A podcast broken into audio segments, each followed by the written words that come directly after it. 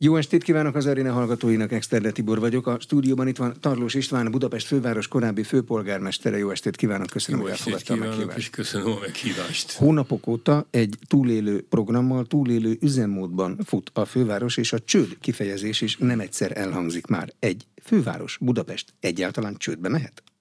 Elméletileg igen, bár erre talán még soha nem volt példa de a rendszerváltozás óta eltelt 33 évben, aztán bizonyosan nem. Mielőtt erről elkezdenénk beszélni, annyit szeretnék előre bocsátani talán, hogy ahogy én látom most már, főleg az utóbbi években, a politikai kommunikációban valamit el kéne dönteni, hogy előre, nem a mi beszélgetésünkre mondom ezt, hanem általában, általánosságban, és nem csak a médiában, hanem mondjuk úgy, hogy politikusok egymás közt is el kéne dönteni, hogy most a valóságról beszélünk, tehát olyan történésekről, adatokról, számokról, tényekről, amik függetlenek valakinek a érdekeitől, érzelmeitől, értékítéletétől, felfogásától, mert annak van értelme, vagy pedig doktrinákról, ábrándokról, politikai érdekekről, kampánylózungokról, mert egyre inkább keveredik ez a két dolog a kommunikációban, és ettől aztán a hallgatók és nézők és olvasók nagy része olyan helyzetbe kerül, hogy mivel egyre nehezebben tudja megítélni, hogy mi a valóság, leginkább azt igyekszik elhinni, amit érzelmei szerint elhinni, ennek pedig semmi köze nincs a tömegtájékoztatáshoz. Ez csak egy általános észrevétel, de mivel egyre gyakrabban és egyre szélsőségesebb formában találkozom vele, ezért engedje meg, hogy egyszer ezt elmondjam, hiszen régen beszélgettünk már, bár egykor sokat. Bocsánat, akkor most... kérdezzek rá. Két cikluson keresztül Budapest főpolgármestere. Előtte beláthatatlan ideig Óbuda polgármestere. Látta azt, hogy a politikai érdekeket ki lehet vonni egy akár egy önkormányzati, meg akár egy fővárosi közgyűlés működéséből. Olvasom a fővárosi közgyűlés jegyzőkönyveit, politikai szövegek.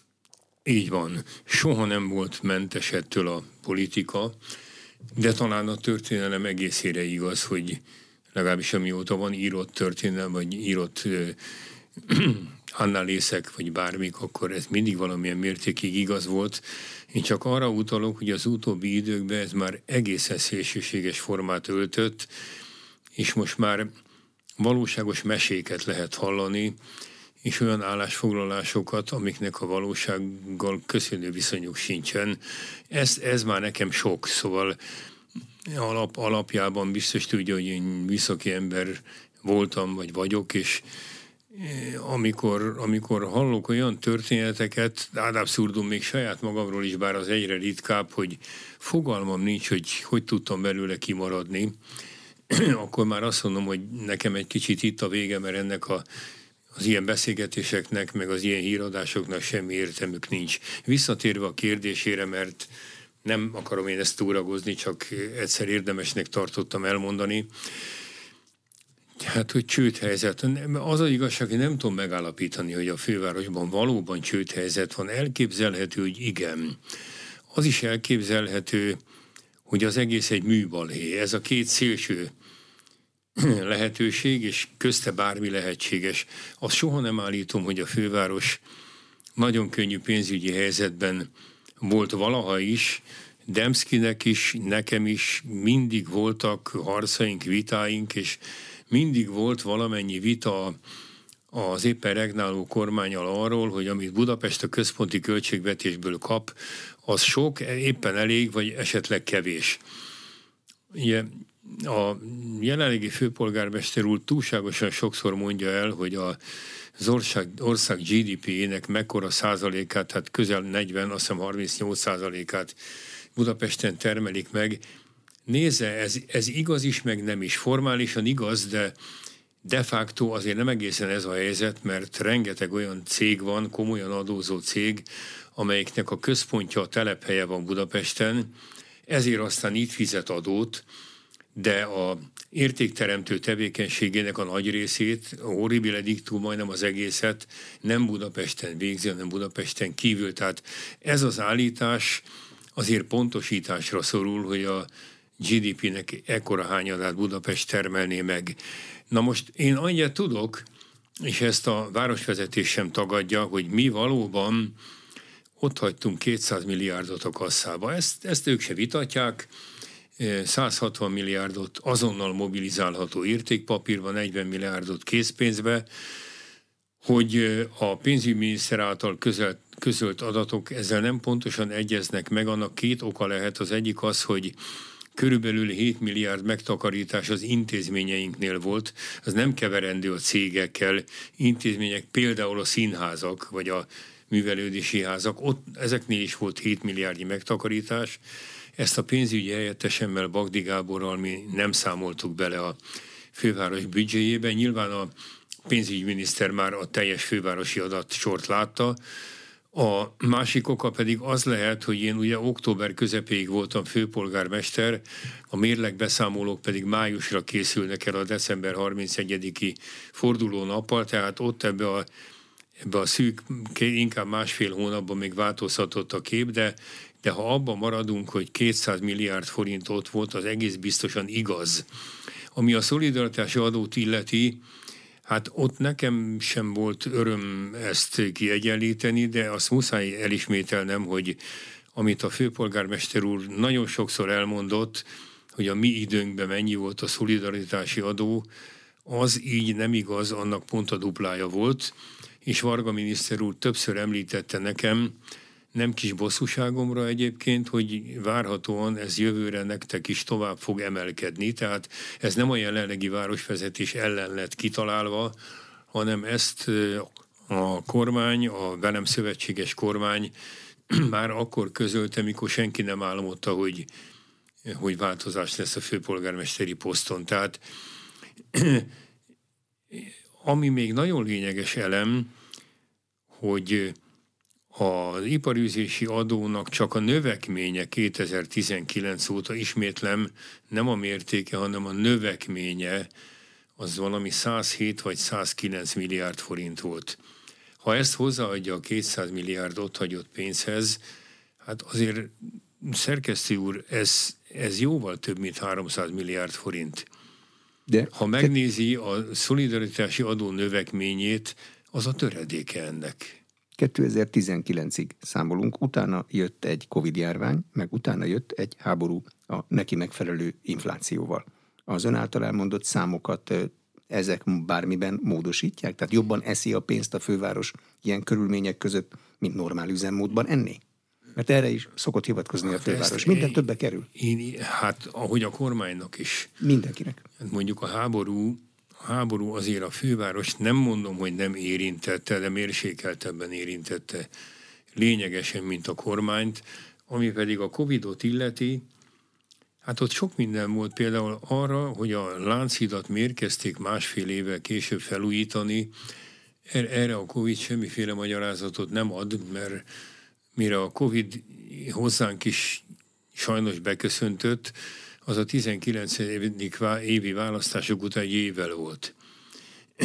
Tehát ezek egy kicsit el vannak túlozva, a kormányra minimum akkora, de nagyság, hogy is mondjam, volumenében lényegesen nagyobb terhet jelentettek ezek mind a fővárosra. Nézze, ez végtelenül egyszerű dolog mindent rákenni a Covid-ra és a háborúra.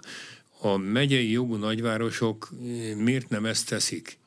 Csak Budapesten volt az a helyzet. Én nem szeretném a főváros jelenlegi vezetését, meg a főpolgármestert bántani, de ezek, a, ezek az érvelések nagyon gyenge lábakon állnak. Ha emlékszik rám, már 19 novemberben megmondtam, hogy figyeljék meg, ha itt nem sok minden fog történni a következő években, annak két oka lesz, vagy miért nem csinálták meg tarlósék, vagy a kormány nem adott pénzt. Ehhez még jön most ugye a Covid, meg a meg a háború, hát azért bocsánatot kérek, de azokon a nagy projekteken kívül talán három ilyen van, illetve volt, amiket mi elkezdtünk. Mondjon egy olyan jelentősebb fejlesztést, amit ez a városvezetés talált ki, vagy indított el. Egyetlen egyet mondjon. Ebben a városban négy év alatt nem történt ezen kívül tulajdonképpen semmi Nem mondom, hogy a főpolgármester könnyű helyzetben van. Egyáltalán nincs abban, nem feladatom az ellenzéken belüli folyamatokat minősíteni, én még vagyok benne e, tökéletes képben, de azért ezt-azt tudok róla. Hát e, ugye az ellenzék engem próbált vádolni, nem túl e, látványosan lábán megálló alapokkal, hogy végrehajtó ember, hát a jelenlegi főpolgármester úr már önmagában attól, hogy ennyi pártnak a koalícióját kellene összetartania, nem beszélve a, a DK olyan törekvéseiről, amiket a vak is lát, hát az önálló mozgástere azért maradjunk abban, hogy nagyon szerény, és akkor igen udvariasan fejeztem ki magam. Maradva még a gazdasági helyzetnél, a legutóbbi közgyűlésen a folyószámla hitelkeretet egy 15 milliárd forinttal megemelte vagyis megemelni tervezte a fővárosi közgyűlés addig, amíg az őszi iparőzési adóbevételek be nem jönnek, mert az ki fogja egyenlíteni. Minden évben ez a kockázat benne, hogy ősszel hogy jönnek be az iparőzési adóbevételek? Ami ugye meg a gazdaság teljesítményétől függ. Hát a szeptemberi iparőzési adóbevétel az nekünk is mindig jó jött, de semmi, sem Demszki nem kerültünk soha olyan helyzetbe, hogy, hogy komolyan akár gondolni kellett volna csődveszélyre.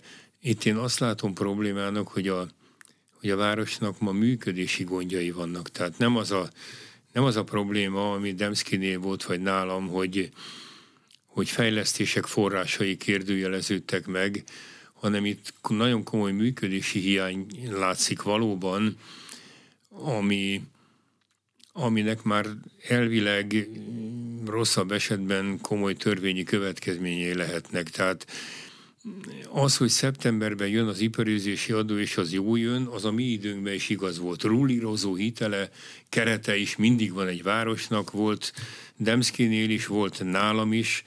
Ilyen magas soha nem volt, mint most. Nem tudom, hogy ezt mi indokolja. Van, van egy dolog, amiről soha nem beszélnek, és én nem mondhatom azt, hogy ez így van, de az se biztos, hogy nincs így. Ha ne adj Isten, ez a csőd, ez elérhető közelségbe kerül, akkor ezt úgy is meg fogják nézni arra illetékes hatóságok, hát ne legyen így, ugye a jogszabály úgy rendelkezik, hogy önként vállalt feladatot akkor finanszírozhat az önkormányzat, ha, ha biztosítottak a kötelező feladat ellátás forrásai.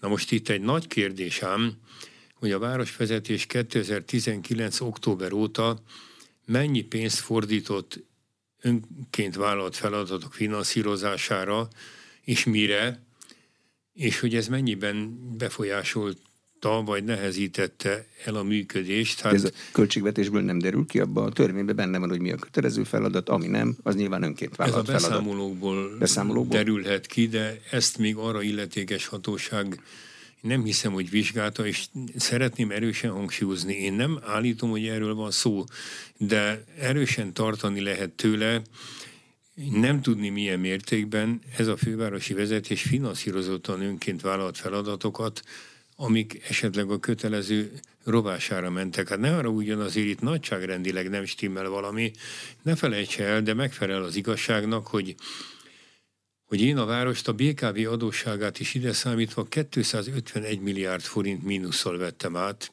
és 200 milliárd plusszal adtam tovább. Ehhez jön még a 107 milliárdos iparűzési adó növekmény. Hát bocsánatot kérek, de kell magyarázni, hogyha itt a számok nyelvén beszélünk, akkor itt valami zavar van, mert mert azok a terhek, amik az áll, amiket az állam valóban megnövelt, elsősorban a szolidaritási adó, azok olyan mértékben kevesebbek a, a többletbevételnél, hogy szóba nem jöhet az a lehetőség, hogy itt a kormány véreztette ki a fővárost. Gondol valamilyen konkrét önként vállalt feladatra? Nem, amit... nem gondolok, és nem is vádolok senkit ilyennel csak arra céloztam, hogy ezt adott esetben biztosan meg fogják vizsgálni, de hadd mondjam még erősebben azt, hogy én ezt a csődöt sem a városnak, sem a főpolgármesternek nem kívánom. De milyen egy fővárosi csőd? Nem fizeti ki a busz vezető bérét? Ezt nem tudom megmondani, mert nem, Tehát nem volt még rá képzelni. példa. A csőd az egy intézmény, az arra való, hogy segítse azt, aki a csődbe került, akkor fizetési moratóriumokat kap, akkor áttárgyalják hát ennél, ennél az rosszabb a helyzet, mert de egyébként nem biztos, hogy egy csőd helyzet lesz. Szóval ne, ne riogassuk a budapestieket feleslegesen, ez majd ki fog derülni, hogy mi az igazság, mert a kommunikációja a főváros vezetésének az tükröz néha diszkrepanciákat, a különböző nyilatkozatok is, de, de ha ne adj Isten tényleg igaz lenne ez a esetleges csődhelyzet, akkor hát először is ismerjük Budapest relatív többségének a beállítottságát. Ezzel együtt az a főpolgármester, akinek a az idején először az Egyesített Város 150 éves történelme során csődbe kerül a város, hát hogy is mondjam, annak nem szeretnék a helyébe lenni. Az, az, az, az ahogy, ahogy a fiatalok mondják, azért az nagyon gáz. Akkor az történik, hogy kirendelnek egy csődbiztost, ami a városvezetést eleve egy rendkívül megalázó helyzetbe hozza, mert a főpolgármester meg a helyettesei egy tekercs WC papírt nem vehetnek a csődbiztos engedélye nélkül. Szóval ne, ne vázoljunk fel egy ne fessük az ördögöt a falra, mert én mm, ugye tartozom egy politikai közösséghez, de az ellenzéknek se kívánom azt, hogy, hogy itt a városban valami pánik törjön ki emiatt. Nem, nem hiszem, hogy jelen pillanatban itt tartunk. Maradjunk abban, hogy ennek a lehetősége elvileg nem zárható ki, és mivel a főpolgármester úr, ugye hát itt megint kiki a szája íze és érdekei szerint fogalmaz, ugye a közfejlesztések tanácsa, ön emlékszik rá, az az én édes gyerekem volt, amit elég nehezen harcoltam ki évek alatt, ez gyakorlatilag megszűnt 2020-ban működni.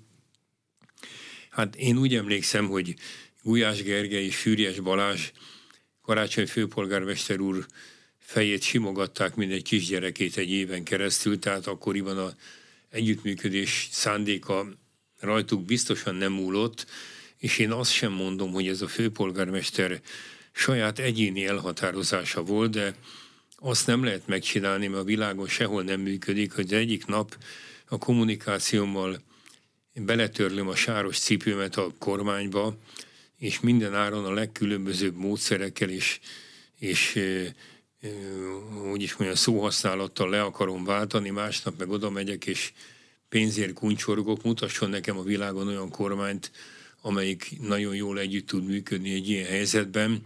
Hát, hogy ez hogy alakult ki, ezt sajnálatosnak tartom, de azt hiszem az ellenzéki média azon hiába fog igyekezni, ha azt akarja bizonygatni, hogy ennek a helyzetnek az előállításában a városvezetés olyan ártatlan, mint a ma született bárány. A közfejlesztések tanácsa, amely valóban ön küzdötte ki szószoros értelmében, ez vissza fog állni az eredeti eh, működési rendjében, ennek, ha én jól emlékszem, a lényege az volt, hogy a fővárosnak egy csomó mindenben egyszerűen vétójoga van. Nem lehet nélkül megcsinálni. Másrészt mentek a közös fejlesztések. Hát nézze, most, most ugyan igyekeznek ezt eltitkolni, sőt a valóság ellentétét is, ha nem is konkrétan állítani, de sugalni, azért a mi, ered, mi ciklusunkban voltak komoly eredmények, és erről, ha valaki, és itt megint visszatérek a bevezető mondataimra, hogy akkor most valavalós, vagy a valóságról beszélünk, vagy itt akkor a hangulati elemeket túljuk előtérbe, és próbáljuk a közvéleményt érzelmileg befolyásolni és orientálni valamerre. Hát ha valaki egy tényszerű leltárt csinál a 2010 és 19 közti időszakról, azért ott talál komoly eredményeket. Ugye, hát egyebek mellett, hogy ne, fejen, ne, ne beszéljek arról, hogy a négyes metróval mit kellett kínlódunk négy évig, és az általam megígért 2010. decemberben beharangozott időpontban át is adtuk. Érdemes ott belenézni az Olaf jelent több mint száz oldalas jelentésébe, ahol gyakorlatilag száz százalékban a az előttünk levő garnitúrát marasztalt el mindenért. Azért visszavásároltuk emellett a vízműveket, csak úgy extangente említem meg, hogy a kettes metró szerelvényeit is mi szereztük be. A hármas metrót nem csak előkészítettük, megszereztük a pénzt rá, ott valóban a kormány tízszer annyi pénzt adott, mint a főváros, hiszen a, az uniós támogatás fedezte nagyrészt a hármas metró infrastruktúrás felújítását, ugye ott borzasztó rossz indulatú és gonosz mesék mentek a szerelvény felújításról is, de azt akár most hagyjuk ki, a nagyobb pénz az infrastruktúra volt, ott kellett egy önrészt biztosítani, az 26 milliárd forint volt, ezt a kormány adta. A kormány adott még plusz 45 milliárd forintot, ez összesen, ha jól számolom, 71 milliárd forint, a többit az Uniót adta, az Unió adta hozzá, és a 225 milliárdos végösszeg pedig úgy jött ki, hogy a főváros összesen 7 milliárdot tett hozzá ez a felújításhoz, vagyis a kormány pont tízszer annyi pénzt adott, mint a város. De bocsánat, ezért... Visszavásároltuk a vízműveket, építettünk 400 kilométer gerinc csatornát, mert a főváros 2002 és 10 között egy centit nem épített, most nem akarom itt felsorolni, hogy 7 vagy 8 fürdőt újítottunk fel és bővítettünk ki, valaki, valaki nézze meg ezt a leltárt egyszer, tehát azért ott valami történt. Közös fejlesztések is. A, fő, a, a, a kormány nagyon sok mindent megcsinált abban az időszakban, egyébként elsősorban nem személyre szóló ellenségeskedés gyanánt alakult ki a mai helyzet, hanem egyszerűen elkezdett nem működni a közfejlesztések tanács. De ide akarok kiukadni, az, és nem érzelmi húrokat pengetni. Az, hogyha egy fővárossal a saját országának a kormánya együttműködik, az ilyen szimpátia kérdés kell, hogy legyen? Vagy ezek szerződési kérdések? Megállapodunk benne, ezt fogjuk csinálni, és ahhoz tartjuk magunkat. Hát én az utóbbira szavazok, de ehhez kell egy kölcsönös akarat az együttműködéshez. Hát itt most, hogy milyen arányban romlott el ez a kölcsönös akarat, ezt én hadd nem mondjak erre hasnaütésszerűen semmit, mert sokszor ott se voltam, de ugye azt ön se akarja határozottan állítani, hogy itt a főváros vezetése aztán mindent megtett, és itt a gonosz kormány volt az, aki semmit semmiképp nem akart. Hát gondoljon, gondoljon arra, hogy itt az előválasztási kampányban tavaly mik hangzottak el. De hát kölcsönösen hangzottak el. Az egyik oldalon a gonosz kormány, a másik oldalon meg az alkalmatlan. Tegyük. Tehát senki hát, nem dicsérte a versenytársát azért, azért a piacon. Ezt, erre én nem akarok semmit mondani, legfeljebb csak arra hagyatkozom, amit nekem mondanak, és nem fogok idézni. Továbbá arra, hogyha körülnézek a városba, vagy megpróbálom összeírni, hogy milyen komoly fejlesztés indult el ebben a négy évben, akkor nem tudom cáfolni azokat, akik megállítanak az utcán, de elismételni se fogom, mert nem tartanám korrektnek. Tehát az együttműködést hogy akar, hogy akar együttműködni az, aki minden második nap le akarja váltani a kormányt? Mert most ugye mindig az hangzik el, hogy a kormány ki akarja véreztetni Budapestet ami, ahogy a számokból levezettük, az egész egyszerűen így nem lehet igaz. Ellenzéki de, politikusnak nem az a dolga, hogy végül is le akarja na, váltani de most csak a, a város politikusnak a dolga? Hát valószínűleg minden ellenzéki politikus arra gyúr, na hogy de, egyszer le tudja váltani a kormány. Hát nézze, itt ebbe az is benne van, most nem akarok abba belebocsátkozni, és itt nehezen bizonyítható, bár sokak meggyőződésével határos feltételezéseket levezetni arra, hogy ezt az ellenzéket kik, honnan és miért dirigálják, mert ez nem volna ízléses, meg, meg hát ha tévedek, ki tudja. Na de itt örökké az hangzik el, hogy itt mindennek az az oka, ami Budapesten rossz ma, és nem történik meg, hogy a kormány ilyen meg olyan. Hadd kérdezek én valamit. El tud olyat képzelni a világba, hogy egy főváros csődbe megy, 150 év óta először – és akkor abból kihozható, hogy abban, abban a városvezetés tökéletes mértékben ártatlan, és semmiféle része nincs benne. El tudja képzelni, hogyha az én időmben ilyen helyzetbe került volna a város, akkor ez az ellenzéki média, hogy neveket nem mondjak, vagy orgánumokat, az ugyanezt mondaná, mint most, hogy a, váro, hogy a kormány kivéreztette a város. Azt hiszik, hogy nekem nem kellett bizonyos pénzekért megküzdenem. Azt hiszik, hogy nekem könnyű volt a, a tömegközlekedésre a forrásokat megszereznem. Nekem is megvoltak a vitáim, de volt olyan olyan együttműködés, és soha nem, soha nem mentem el odáig, hogy ennek az együttműködésnek a feltételei ellehetetlenüljenek, hogy abból a városnak kára származzon. Hát itt tulajdonképpen egy ideológiai, egy kulturális, egy politikai, egy hatalomért való küzdelem folyik, ahol azt kell mondjam, hogy azért az ellenzék nem válogat az eszközökben. Ez az ellenzék 13 éve nincs hatalomban. Ne felejts el, az ilyesmit az ellenzék a világon mindenütt rosszul viseli, azért itt mégis eh, hatalomról, forrásokról van szó, mm, egzisztenciák sokaságáról, ez a világon minden így van. Én nem akarom minden áron foggal, körömmel a kormányt védeni, mert nem ez a feladatom, de hát elég sok évet, évtizedet eltöltöttem a, a politika az utolsó 15 évébe élmezőnyébe, hogy valamennyire lássak a pályán, és azért engedje meg azt mondom, hogy mindig elmosolyodok, amikor azt hallom, meg azt olvasom az ellenzéki médiába, hogy ez a városvezetés ez olyan ártatlan, mint a ma született bárány, és itt mindennek egyedül a kormány az oka. Ne haragudjon, ez az interpretáció, ez az interpretáció az egyszerűen valótlan.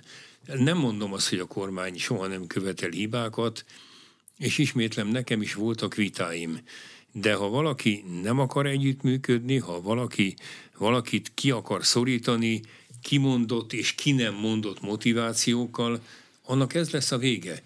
Igenis, a főváros vezetése azért nem tett meg mindent, hogy olyan együttműködést alakítson ki a kormányjal, ami a város számára hasznos vezetett fővárost főpolgármesterként két cikluson keresztül, előtte fővárosi frakcióvezető volt, ugyanabban a fővárosi közgyűlésben, előtte polgármester, eh, tehát látott kerületi eh, önkormányzati közgyűléseket is. Mi a fontos, hogy a kerületek hova tartoznak politikailag, hogy a főpolgármester hova tartozik politikailag, hogy kijön-e a matek, megvan-e neki a többsége, a főváros a működtetés szempontjából mi az elsődlegesen fontos? A működtetés szempontjából, ami elsődlegesen fontos lenne, az az, hogy ebben legalább legyen egy minimum megegyezés az ellenzék és a mindenkori városvezetés között, mert ha itt csak politikai csatározásokból áll a közgyűlés működése, abból semmi jó nem jön ki. nem emlékszem rá, Ugye összesen 16 évig voltam óbudai polgármester, és gyakorlatilag egy évtizedik főpolgármester. Nem emlékezem rá, hogy előterjesztésemet leszavazta volna valaha is testület. Azt írja Tehát erről a Wikipédia, hogy a politikai igényeket is az észszerűség határáig képes volt kielégíteni, és ezért mindig megszavazták az előterjesztéseit. Hát a politikai igények, ha így fogalmazunk, ebbe még azt is lehet mondani, hogy igaz, mert az ellenzéket is abban az értelemben is ember számba kell venni, hogy egyrészt ők sem mindig mondanak hülyeségeket, tehát csak azért leszavazni valamit, mert az ellenzék javasolta, ezt én nem tartottam egy követendő elvnek. Adott egy kis sikerélményt, hogy átmehessen ellenzéki javaslat? Hadd örüljenek? Hát az én időmben ment át ellenzéki javaslat, Óbudán elég sok, és amennyire emlékszem, a fővárosban is volt rá példa. Amellett ott is vannak emberek, a legtöbb, akik nehezen viselik a, a teljes kudarcot. Tehát, hogyha valamilyen előterjesztésnél az ő ellenkezésüket, vagy, vagy éppen javaslatukat a városvezető még a konkrét közgyűlési előterjesztés előtt figyelembe veszi, az mondjuk jótékony hatása van a hangulatra.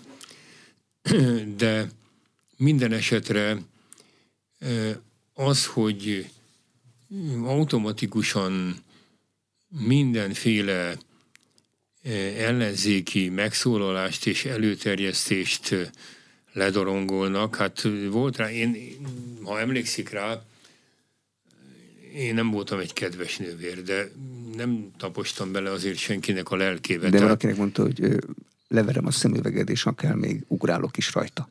Jézus Mária, hát nézé, ezt, ezt ok, ez az én nyelvezetemhez hozzátartozik, de ezt úgy előadni, hogy na ez egy ilyen ember, hát erre csak csak egy példát mondok, ami megkérdőjelezheti. Az az ember, akinek ezt még Óbudán valamikor mondtam, azt az embert később Óbudáról kirúgták. Nem éppen megalapozottan. Hányszor hallotta azt, és én sem mondtam eddig el soha, csak most már négy évig nem vagyok, négy éve nem vagyok hivatalba. Ennek az embernek kiskorú gyereke járt még iskolába. Tudta azt, hogy ezt az embert fölvettem a fővároshoz, és hosszú éveken keresztül ott dolgozott, és volt munkája, és volt fizetése, és tudta tanítatni a gyerekét. Erről senki nem beszélt, igaz? Tehát én azt mondom, hogy igenis kell, kell határozottnak lenni, ha kell keménynek lenni, meg kimondani azt, amire az ember gondol. Azért az én nyelvezetem nem olyan volt, mint most jó néhány ellenzéki képviselője, ha belegondol. Én ordinári kifejezéseket soha nem használtam.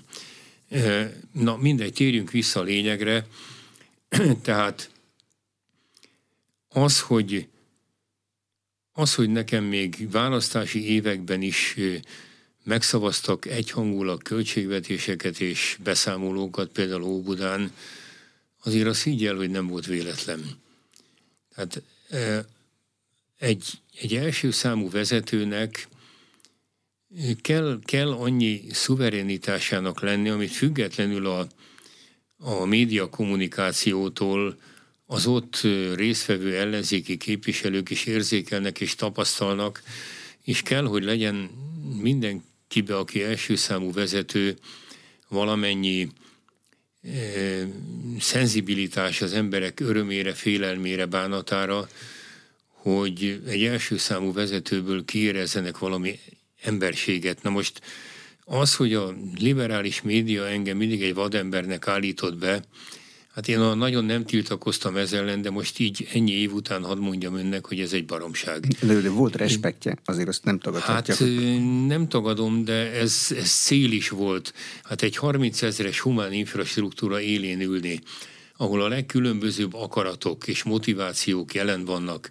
Én nagyon sokszor már hát több tízezer emberrel beszéltem politikai pályafutásom alatt. Régóta úgy vagyok vele, hogy a testbeszédből, a metakommunikációból és elsősorban tekintetből legalább annyit olvasok ki, mint a szavakból. Az ember a szájával könnyebben hazudik, a tekintetével nehezebben.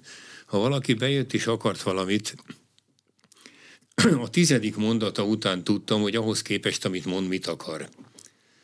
Tehát azért ez is, ez is kell ahhoz, hogy valaki egy, egy szervezetet, egy ekkora szervezetet, ahol azért ott van a kormány, ott vannak az országos pártok vezetőségek, ott már nem milliárdokról, hanem százmilliárdokról van szó, ott már ott vannak a gazdasági élet nagyon jelentős szereplői, ott eligazodni és olyan megoldást találni, ami többé-kevésbé, ha lehetséges, akkor többé megfelel mindenféle szabályoknak, és meg tud állni a lábán, Hát ez nem egy egyszerű feladat, főleg akkor, hogyha időnként a, az emberre elől hátul, előről hátulról lőnek. Ezt én figyelembe veszem a jelenlegi főpolgármesternél is, és akceptálom. Tehát De ezért emelem ki, hogy soha nem mondom azt, hogy könnyű helyzetben van. Nekem volt egy nagyon erős politikai szövetségem a miniszterelnökkel, hangsúlyom, ez egy politikai szövetség volt, és nem barátság, én nem tartoztam az ő közvetlen köréhez, de egy nagyon erős és megbízható politikai szövetség volt, és ma is az. Ezért tudtunk négy szem köz sokszor viták árán megoldást keresni, de sikerült találni, mert, mert volt azért egy együttműködés. És ez a városnak is jót tett, és a kormánynak is jót tett. Na most ez, ez az, amit ma én, én sem nagyon érzékelek ma, és erre mondom azt, hogy a, az ellenzéki média sorozatos ismételgetésével szemben amivel nap mint nap húszszor lehet találkozni. Nem igaz, hogy, hogy ez a kormány egyoldalú, rosszindulatú akarata volt, és a főváros vezetése ebbe ártatlan. Bocsánat, Szerkesztő úr, még egyszer mondom, ez egyszerűen konkrétan nem igaz. De nem tagja a mostani közgyűlésnek, mert ugyan bekerült, de nem hát vette át a mandátumát. Igen. Most hogy látja így kicsit távolabbról? Ki a főnök a fővárosban? Karácsony, nem tudom, nem Karácsony Gergelynek szövetségben lett főpolgármester, hat párt támogatta, közgyűlési többsége van, de egyik pártnak sem ő a főnöke. Ki a főnök a fővárosi nincs, közgyűlésben? Nincs köz? Szóval sajnos az a helyzet, és ezt be kéne látni, mert csak az nem látja be, aki nem akarja. Szóval nézze, tőlem Gyurcsány Ferenc elnök úr, a DK vezetője, akkor se kapna egy szavazatot, ha ezer évig élnék.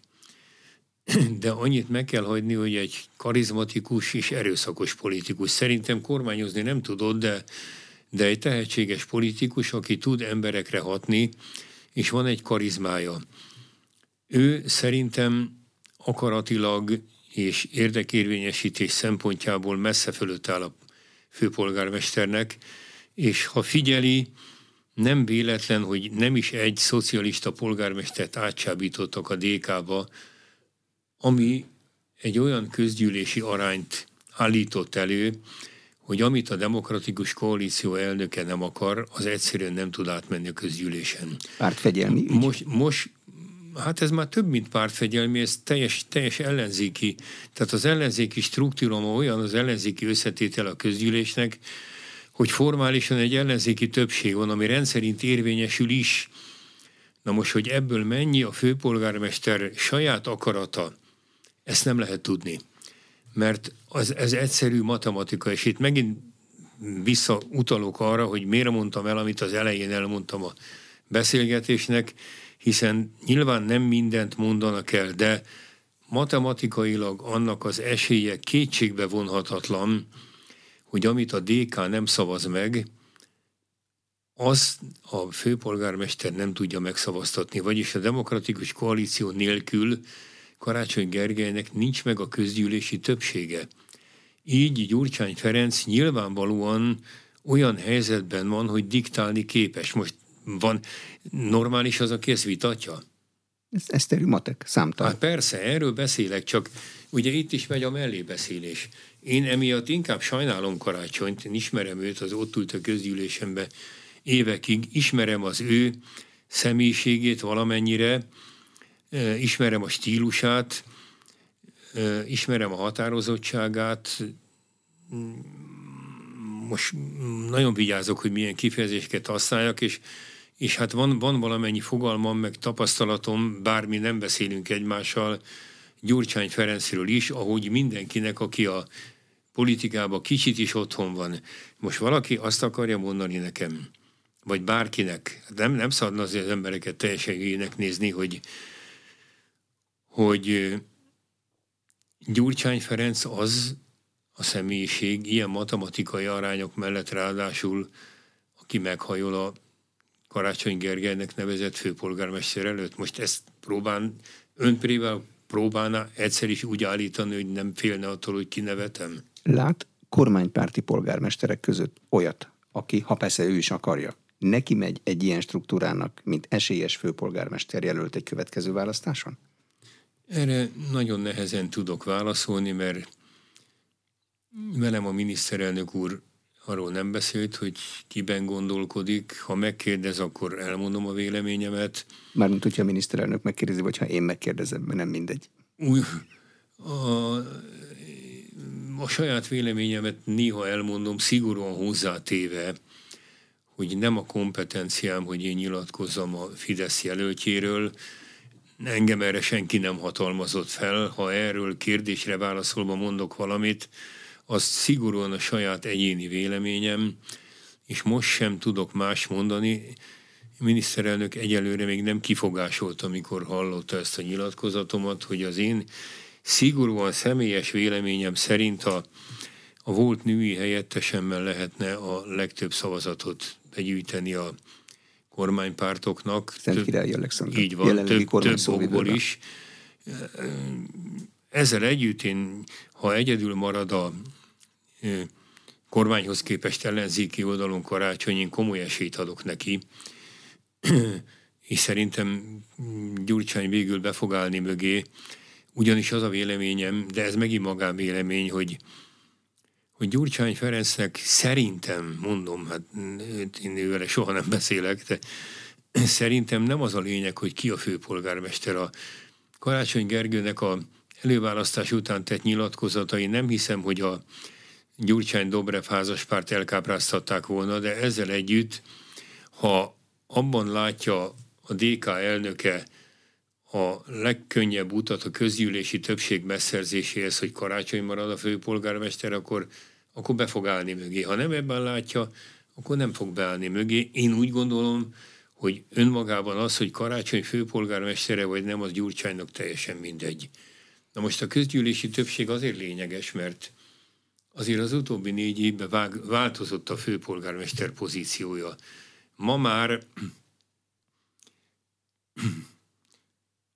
Hát ezt, ezt nem, nem tudom megtenni, hogy nem mondom el, tehát ma már a közgyűlésen belül én úgy látom meg, a nekem nyilatkozók megerősítik, hogy nincs annyi presztízse vagy befolyása a főpolgármesternek a közgyűlésen belül, amennyi Demszki idejénben, vagy akár az én időmben is volt. Tehát jelentősen megdövekedett annak a jelentősége, hogy kinél van a közgyűlési többség.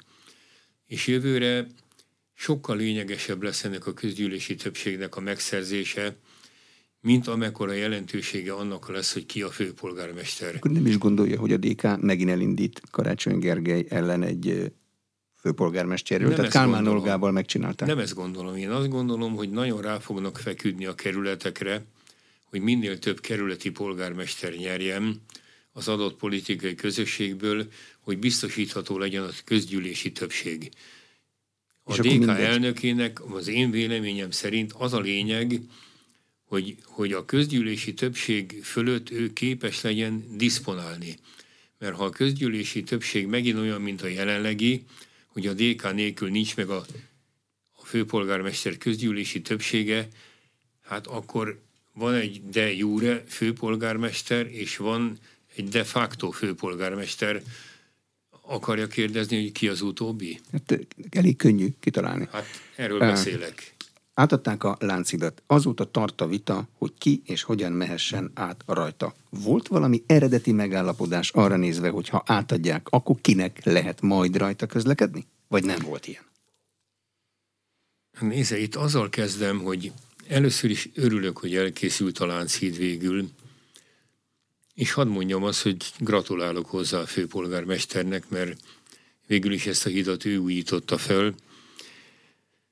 Az már egy, az már egy másik kérdés, hogy egy kicsit megmosolyogtatónak tartom ezt a, most már hallom, dupla népünnepét, mert hát oda lehet ezekre hívni a szimpatizánsokat, és ilyen szellemi önkielégülést gyakorolni, meg hát ki nem menne oda, hogyha ingyen adnak fagylaltot, meg vattacukrot, de de ilyet még Demszki se csinált, én meg aztán pláne, de hát mondjuk örüljenek.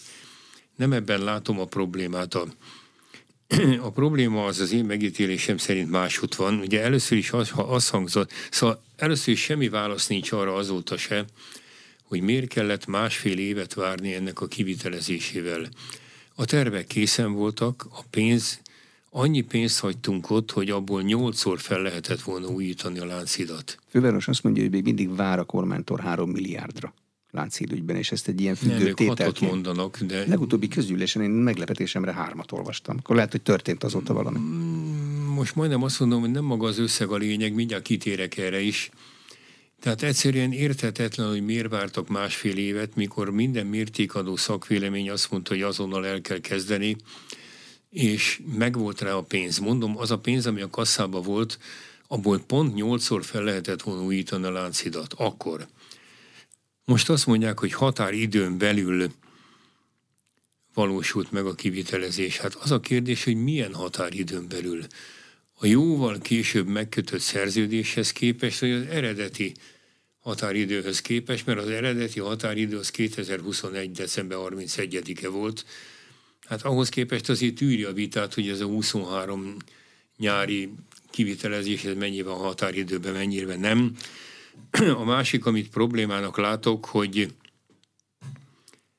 ha már konkrétan rákérdezett, ugye nem három, hanem 6 milliárdos kormányzati támogatásról volt szó, de akkor itt újra is nem először vissza kell utalnom, a, hogy miért nem volt véletlen, amit a beszélgetés legelején mondtam. Hát most most, most vagy a valóságról beszélünk, vagy, vagy, vagy bohózkodunk, és megpróbálunk népámítást végezni. Az én időmben is úgy, volt, úgy szólt az ígéret, hogy akkor kapok 6 milliárd forint támogatást a Lánchídra, ha 18 hónapon belül a teljes forgalomnak visszaadom. Most hadd mondjam azt, hogy a 18 hónapból egyébként már a, az általuk megköz, megkötött szerződés határidejéhez képest is kicsúsztak, de én is láttam képernyőn azt a megállapodást, amit a, a főpolgármester úr, Karácsony főpolgármester úr aláírt Gulyás Gergely miniszter úrral, amiben az szerepel, hogy vállalta, hogy 18 hónapon belül a teljes forgalomnak átadja a Lánchidat. Hát szerkesztő úr, ez egy aláírt megállapodás, ami nem valósult meg, akkor most miről beszélünk? De ebből mi következik, hogy autók mehetnek rajta, vagy nem mehetnek rajta? Vagy az következik, hogy hosszú jogászkodás következik, hogy hát a teljes a megáll... forgalom szó az hát mit jelent? A meg, a meg, ne, ne, ott, ott konkrétan az van leírva, hogy a teljes vagy részleges forgalom elől lezárás sem nyúlik 18 hónapra továbbra. Ez egy teljesen egyértelmű vállalás, ami magában foglalja a gépjármű közlekedést is, de van még két komoly hozzátenni való ehhez. Az egyik az, hogy hát a, a, a híd lezárása hogy történt meg. Ugye itt volt egy, egy kvázi népszavazással felérő online szavazás, ahol nagyon ügyesen úgy nyilatkoznak, hogy a válaszadók többsége támogatja, hogy ne legyen gépjármű forgalom a, Lánchídon, de, de, de itt az a, az a kérdés, és ott van a csúsztatás, hogy, hogy mennyi volt a válaszadók többsége. Ugye egy népszavazás is csak akkor érvény, eleve akkor érvényes, ha legalább 25% a szavazásra jogosultaknak részt vesz rajta. Itt azzal együtt, hogy még a 14 és 18 év köztiek is szavazhattak, ami egyébként akik nem választásra jogosultak, de így is összesen a, az emberek 9%-a vett részt a választáson, vagy a szavazáson, és ezek közül se szavazta meg mindenki ezt az elképzelést. Ha a szavazásra jogosultak összlétszámát veszem, akkor 7, azaz 7 százalék támogatással zárta le a városvezetés a Lánchidat. Ez, ez ön szerint mekkora szám? Erre egy 7%-os támogatásra lezárni egy budapesti közúti hidat, amelyeket arra építettek, hogy közlekedjenek rajta, arra hivatkozni és azt állítani, hogy ez a többség akarata, ez az én személyes értékelésem szerint, hangsúlyozom személyes véleményem szerint, ez határos a csalással amellett szakmailag egy felkészületlenségről tesz tanúbizonyságot. Én hóna, hosszú hónapok óta mondom, de ezt a szakma is számos alkalommal megerősítette, hogy egy olyan állapotra találták ezt ki, amikor az összes többi közúti híd működik. Egyébként is a budapesti forgalom szervezés egyik fő problémája a fővárosi közúti hidak elhelyezkedése és átbocsátó képessége, de egyre nyilvánvalóbb a közvélemény nagy része előtt is, hogy a Lánchíd után nagyon hamar le kell zárni kötelező felújítás igény miatt a Petőfi hidat, utána pedig az Árpád hidat. Ha ezt a két nagy átbocsátó képességű hidat egymás után körülbelül 5 évre lezárják, akkor kaotikus állapotok lesznek abban az esetben, mert hiányozni fog a Lánchídnak a napi körülbelül 30 ezer, 35 ezer gépjárművet át, áthaladását biztosító átbocsátókép vagy kapacitása, ha a százezres Petőfi hidat vagy a 107 ezres átbocsátó képességű Árpád hidat lezárják. Na de eleve, szóval ez egy szakmai hiba. Na de én ott akadok meg leginkább, és hiába kapálózik kézzel lábbal az ellenzéki média is, ilyet a világ nem látott, hogy van egy ötletnek egy 7%-os támogatottsága, és erre azt mondják, hogy a többség ezt akarta. Egy a gyalogos híd. híd pedig egy őrültség volt az ötlet. Menjen ki az úttestre hajnalban, amikor nem járnak autók, egy két méter magas ember se lát semmit a városban láncoktól. A, vi- a világ röhög rajtunk, ha az gyalogos híd. Szóval itt, itt semmi módon ez a, ez a dolog nem áll össze. Én nagyon sajnálom, hogy a főpolgármestert rávették erre. Nyilván van a szimpatizánsok széles köre. Ugye tudjuk, hogy Budapest egy picit másképp gondolkodik a, abban a kérdésben is, hogy hogy most globalizmus, vagy nemzetállam, vagy társadalomtudományok, vagy természettudományok, hogy im, immanencia, vagy e, transzcendentális. Hát itt, itt Budapest lakosságának a meghatározó többsége talán közelebb áll ahhoz a nyugati állásponthoz, ami azért az unió alapító atyáinak az értékeitől messze menőleg eltér, de hát még ilyen körülmények között is egy 7%-os támogatottságra azt mondani, hogy ez a többség, én azt hiszem, hogy ettől a baloldali, sőt a liberális budapesti városlakók nagy része is elhúzza a száját, mert ez egy vicc. Köszönöm szépen. Az elmúlt egy órában Tarlós István, Budapest főváros korábbi főpolgármestere volt az Inforádió arénájának vendége a műsor elkészítésében. Módos Márton főszerkesztő vett részt. Köszönöm a figyelmet. Exterde Tibor vagyok.